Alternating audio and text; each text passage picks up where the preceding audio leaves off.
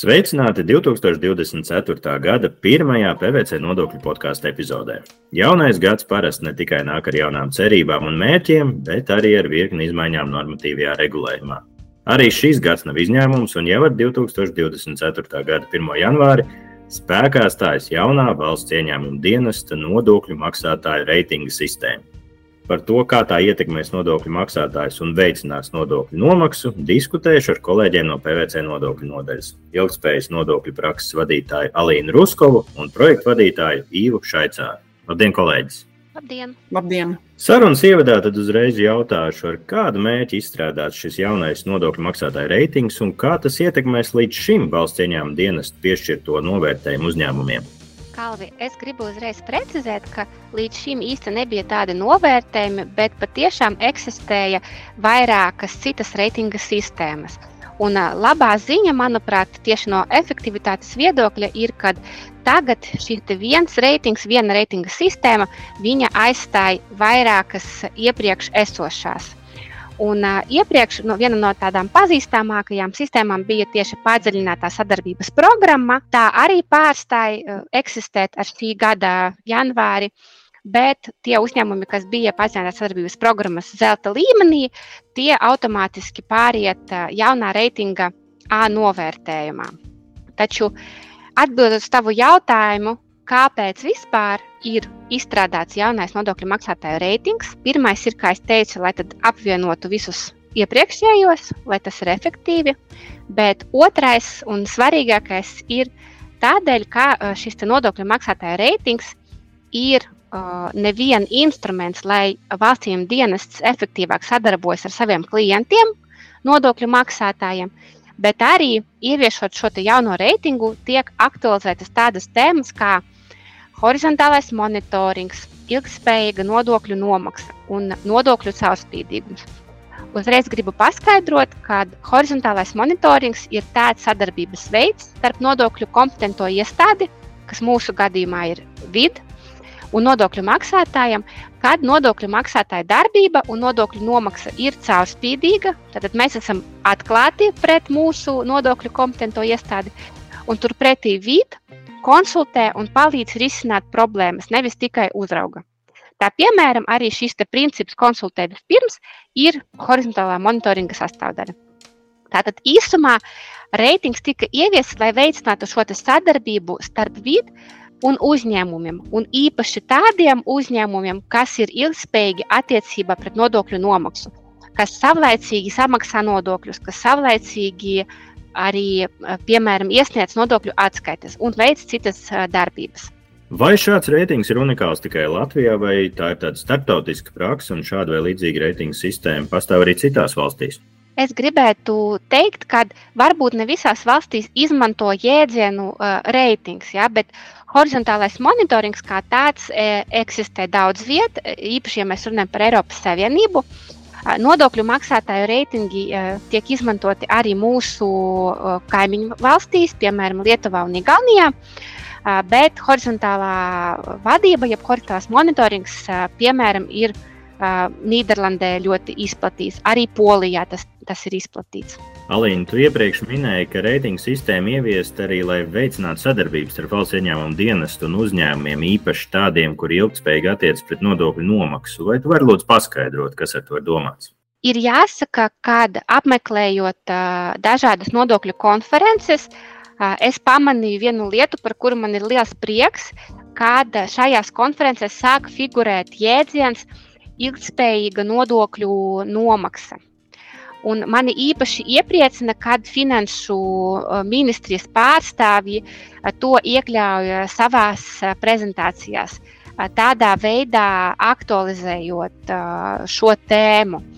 Un ilgspējīga nodokļu nomaksa, protams, nozīmē ne tikai tās tehniskās lietas, kā uh, savlaicīga nodokļu nomaksa vai savlaicīga deklarāciju iesniegšana. Manuprāt, tas iekļauj arī nulles toleranci pret ēnu ekonomiku, jā, nulles toleranci pret aploksņa algām.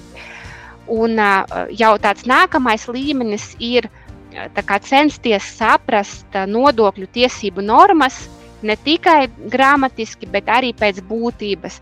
Attiecīgi, manuprāt, ilgspējīgs uzņēmums tieši nodokļu nomaksas jomā ir tāds, kas nevien nekrāpjas ar nodokļiem, bet arī cenšas pēc būtības saprast likumdevēja mērķi, kāds ir bijis konkrētam, konkrētam likumam, un tad piemērot arī nodokļus pēc būtības pareizi. Un arī šo nodokļu maksātāju reitingu savā ziņā ir plānots izmantot kā ilgspējas komponenti un tieši izmantot aktivitātēs iekš ēnu ekonomikas apkarošanas plāna, tātad ēnu ekonomikas mazināšanai. Arī nodokļu maksātāja reitings eh, būtu jāuztver kā viens no tādiem ilgspējas rīkiem, jo to ir plānots izmantot aktivitātēs, kas ir paredzētas ēnu ekonomikas mazināšanai. Nu, jau vairāk par to, šo pašu reitingu sistēmu. Īva, vai es te varu lūgt, uh, pakomentēt, kādu reitingu uzņēmumu var saņemt un kā tas uh, izpaudīsies, kā šis reitings un tā piešķiršana izpaudīsies praksē? No šī gada valsts ieņēmuma dienests nodokļu maksātājs iedala piecās kategorijās. Piešķirot tiem, uh, šīm kategorijām burtus. A ir augstākais novērtējums, Un tas nozīmē, to, ka tas ir uzticams nodokļu maksātājs un uh, tam nav būtisku risku. Atbilstoši vidu mājaslapā publicētai statistikai, šādi ir 18% no visiem Latvijas uzņēmumiem. Un, uh, faktiski šis A reitings tiek pielīdzināts kaut kur iepriekš, jau Alīna minēja, bija šī padziļinātā sadarbības programma, bija šis zelta līmenis, un tas, tie uzņēmumi, kas bija zelta līmenī, tagad ir A reitingā. Uh, Tomēr ir viena atšķirība, jo iepriekš, lai kvalificētos zelta līmenim, bija jāsasniedz noteikts apgrozījums, bija jānomaksā noteikti nodokļu summa budžetā. Tad pie A līmeņa vairs nav šādas prasības. Pietiks tikai ar labu saistību izpildi, ar labu nodokļu nomaksas disciplīnu. Nākamais novērtējums ir burts B. Un te jau ir tāds joprojām normāls uzņēmums, kas veic normālu saimniecisko darbību, tomēr tam ir konstatēts viens vai vairāki nodokļu saistības uh, izpildes riski. Un šajā kategorijā jāmin ir jau mazliet vairāk kā 40% Latvijas uzņēmumu, tā kā nu, lielākā daļa. Valsts ieņēmuma dienests ir arī publicējis sarakstu ar riskiem, un pietiek izpildīties kaut vai vienam no šiem riskiem, lai uzņēmums no burta A jau tālāk nonāktu pie kategorijas burts B. Tie riski ir um, dažādi, piemēram, tur var būt gan nodokļu parādi, neiesniegtas deklarācijas, tur var būt būtiski uzrēķini nodokļu kontrolas pasākumu rezultātā. Nu, šādiem riskiem, protams, ka nevajadzētu būt, bet pie šiem riskiem var strādāt, lai viņus novērstu. Un te droši vien varētu arī palīdzēt nodokļu konsultanti, sakārtot uzņēmuma uzskaitas procesu, lai šādu risku nebūtu. Bet tomēr man jāsaka, ka vispopulārākie riski ir tie riski, kas ir saistīti ar atalgojuma līmeņa salīdzinājumu. Un tieši šie ir tie riski, kas rada vislielāko neapmierinātību uzņēmumu vidū. Valsts ieņēmuma dienests veiks vidējās algas salīdzinājumu, un šis salīdzinājums tiks veikts gan pret vidējo algu nozarē un reģionā, gan arī pret vispār vidējām algām privātā sektorā valstī.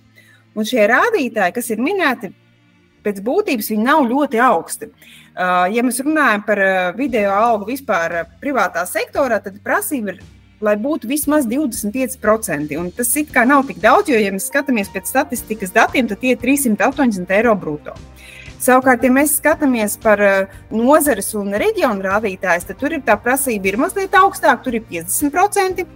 Un es tā interesi pēc paskatījos šos statistikas datus, ja, ja piemēram, mēs skatāmies par uh, juridiskiem un grāmatvedības pakalpojumiem Rīgā, tad vidējā alga ir 2015 eiro, un Ja runājam par 50%, tad, tad tie ir nepilni 1008 eiro, kuriem ir jābūt kā minimums, lai mēs varētu būt burts A, nevis burts B. Jo, ja mēs nesasniedzam šos rādītājus, tad uh, mums izpildās risks burtam B. Veselības aprūpē, piemēram, šis rādītājs ir 1803 eiro. Tad, eh, ja mēs runājam par 50%, tad tas ir vismaz 900 eiro. Šobrīd publiskā telpā ir daudz komentāru par šiem rādītājiem, un es saprotu, ka lielākā problēma rodas tieši dēļ tā, ka uh, aprēķinot vidējos rādītājus, valsts ieņēmuma dienests neņem vērā slodzes. Un uh, tiem uzņēmumiem, kuriem ir pusslodzes darbinieki, tad uh, attiecīgi šajā vidējā aprēķinā viņiem snāk šīs algas nesasniedz uh, šos rādītājus, un, eh, un pat ja viņi izpilda visas prasības eh, un viss, viss tiek sadeklarēts laikā, nomaksāts vienalga, viņi iekrīt burtā B. No otras puses, atkal ja mēs tā runājam, šādi uzņēmumi nekad nebūtu arī kvalificējušies zelta līmenim. Līdz ar to tas burts B nenozīmē, ka šie uzņēmumi ir slikti. Vienkārši viņiem ir kaut kādi riski, pie kā varētu strādāt, lai tā nodokļu samaksa būtu varbūt lielāka. Bet tas, jā, tas nenozīmē to, ka uzņēmumi, uzņēmums ir ne, negodprātīgs. Paldies, Ivo, par šo izsmeļošo ieskatu. Man uzreiz rodas jautājums, ja uzņēmumam sanāks zaudēt šo savu līmeni, vai viņam ir iespēja atgriezties tajā? Jā, reitinga piešķiršana tas ir automātisks process, un tas uh, tiks veikts vienu reizi trīs mēnešos. Līdz ar to, ja mums mainās nodokļu saistību rādītāji, uh, ja viņi uzlabojas, mēs atkal varam tikt pie augstāka reitinga. Ja viņi mums uh, pasliktinās, tad mums tiks piešķirts attiecīgais burts. Te gan ir jāsaka tāda lieta, ka viss šis izvērtējums notiek automātiski, un valsts ieņēmuma dienas nepieņem nekādas tādas individuālas pretenzijas. Man bija saruna ar valsts ieņēmuma dienas pārstāvi, kad arī runājam tieši par šīm, te, par šīm te algām. Uzņēmumam tas darbības veids ir tāds, ka viņam ir grupa, ir vairāki uzņēmumi, Un uh, vienā uzņēmumā sēž darbinieki, un piemēram, kādā citā uzņēmumā ir uh, pamatlīdzekļi. Un likums jau atļauj mums veikt šādu darbību, un nav nekas pārkāpts. Bet, ja mēs skatāmies uz algām, tad sanāk, ka vienā uzņēmumā ir lielas algas, un otrā uzņēmumā šo algu nav. Un, uh, kā man atbildēja valsts ieņēmuma dienas, tad uh, nekāda tāda individuāla izvērtēšana netiks veikta. Attiecīgi, šis uzņēmums, kurā nav darbinieku, viņš automātiski iekritīs reitingā B, jo sistēma nosaka šos rādītājus un uh, viņi nav ietekmējami. Vai uh, uzņēmumi jau šobrīd var iepazīties ar viņiem piešķirtajām kategorijām, vai pagaidām vēl tas nav iespējams? Jo tu minēji reizi ceturksnī, vai pirmos rezultātus mēs ieraudzīsim tikai marta beigās? Starp uh, Ziemassvētkiem un Jauno gadu valsts ieņēmuma dienas sāka sūtīt visiem vēstules ar piešķirto reitingu, kas šobrīd nav publisks. Uzņēmumiem ir iedots laiks līdz 1. martam strādāt pie saviem rādītājiem, lai šo reitingu uh, varētu uzlabot. Tā kā pārējie uzņēmumi par mums šo reitingu publiski redzēs no 1. marta. Tas, ko var šobrīd darīt, uzņēmējiem ir iespējas kā, pieprasīt izziņu tādā izdrukas veidā no EDS sistēmas, kur var redzēt gan piešķirto reitingu, gan arī kritērijas, kas ir izmantot piešķirtajam reitingam, gan arī tādu sīkāku atšifrējumu par to, kā šie reitingi ir veidojušies. Un, ja mums jau šobrīd darījuma partneris lūdz iesniegt šādu informāciju, mēs varam paši paņemt šo informāciju no sistēmas un iesniegt savam darījuma partnerim. Bet darījuma partneris pagaidām par mums šo informāciju pats publiski atrast nevar. Ja es tev pareizi saprotu, sanāk tā, ka līdz 1. martam uzņēmumiem vēl ir dots laiks, lai sakārtotu un veiktu mājas darbus. Un, ja paziņojums ziņoja, ka uzņēmums ir B līmenī, pat pacelties līdz A līmenim. Kā auto pareizi sapratījām? Jautājums, vai jaunā sistēma paredz uzņēmumiem arī kādus labumus, vai gluži pretēji sankcijas, vai arī tai būs tīri informatīvs raksturs? Reitingiem būs informatīvs raksturs.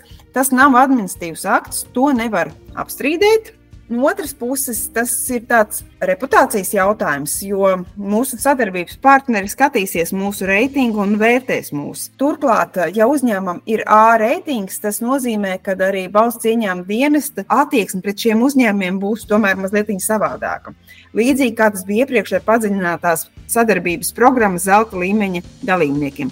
Būs īsāki termiņi atbildžu pieprasījumu saņemšanai, licences izsniegts īsākos termiņos Tāpat arī PVN atmaksa tiks atmaksāta īsākā termiņā. Turklāt A līmeņa uzņē, uzņēmumiem valsts ieņēmuma dienests neplāno veikt eh, kontrolas pasākums, un tur būs daudz dažādu tādu atvieglotāku sadarbības nosacījumu. Vienīgi, kas nebūs, eh, nebūs individuālais konsultants vairāk, eh, tā kā tas iepriekš bija zelta līmeņa mm, dalībniekiem. Šeit es varētu papildināt īvu, kad arī uh, publiski dažādās konferencēs Latvijas dienesta pārstāvji izsakās, ka ir mērķis drusku šos A līmeņa uzņēmumus likt mierā, labā nozīmē, ja, kad uh, gadījumā, ja šo trīs mēnešu laikā, kamēr tev ir piešķirts A līmenis un tu viņu saglabā, uh, tu kā uzņēmums neiesniedz kādu vienu deklarāciju, nu, kā nokavē, domāts, nokavē pāris dienas, tad arī Latvijas dienests nekādas soda sankcijas par to nepiemēro, jā, un šos uzņēmumus lieki, lieki nekontrolē. Šķiet, ka šis jaunais plāns radīts arī ar mērķi, lai cīnītos ar ēnu ekonomiku. Alīna, varbūt tu vari pakomentēt, kā šis reitings varētu palīdzēt ēnu ekonomikas apkarošanas plānu kontekstā. Jā, patiešām ēnu ekonomikas apkarošanas plānā, kā viena no pirmajām aktivitātēm, un kā aktivitāte tieši horizontālās vadības, horizontālā monitoringa ietvaros, ir minēts šis nodokļu maksātāju reitings. Konkrētāk, viennozīmīgi ir paredzēts izmantot nodokļu maksātāju reitingu iepirkumos. Un, lai gan es neesmu redzējusi vēl likumprojektu šādai izmaiņai, ir jāsaka, ka Finanšu ministrijas pārstāvi publiski ir komentējuši, ka tiem uzņēmumiem, kuriem būs A reitings, būs labvēlīgāki nosacījumi piedaloties iepirkumos. Konkrētāk ir izskanējis viedoklis, kad publiskais iepirkumos tiks izmantots vīta reitings, nodrošinot 0,15 papildu koeficientu uzņēmumiem ar A reitinga klasi. Un kad šobrīd tas būtu attiecināms uz publisko iepirkumu likuma 9. panta iepirkumiem. Šeit gan ir daudz neskaidrību, piemēram, jautājumi, kas man rodas, ir uh, gadījumā, ja iepirkumā startē viens uzņēmums un viņš arī piesaista apakšu uzņēmējus, vai arī šādu apakšu uzņēmēju reitingi tiktu vērtēti. Manuprāt, tas būtu jādara, un kopumā es augsti vērtēju šādu pieeju, jo manuprāt, tas veicinātu ilgspējīgu uzņēmumu un tieši tādu uzņēmumu, kas kuriem ir augsta nodokļu nomaksas kultūra, dalību iepirkumos. Paldies par sarunu. Ar interesi sekosim līdzi, kā šī jaunā sistēma ietekmēs nodokļu nomaksas kultūru Latvijā. Atgādināšu, ka PVC nodokļu podkāstu 38. epizodē par jauno valsts ieņēmuma dienas nodokļu maksātāju reitingu sistēmu sarunājos ar PVC nodokļu konsultantiem Alīnu Ruskovu un Īvu Šaicānu.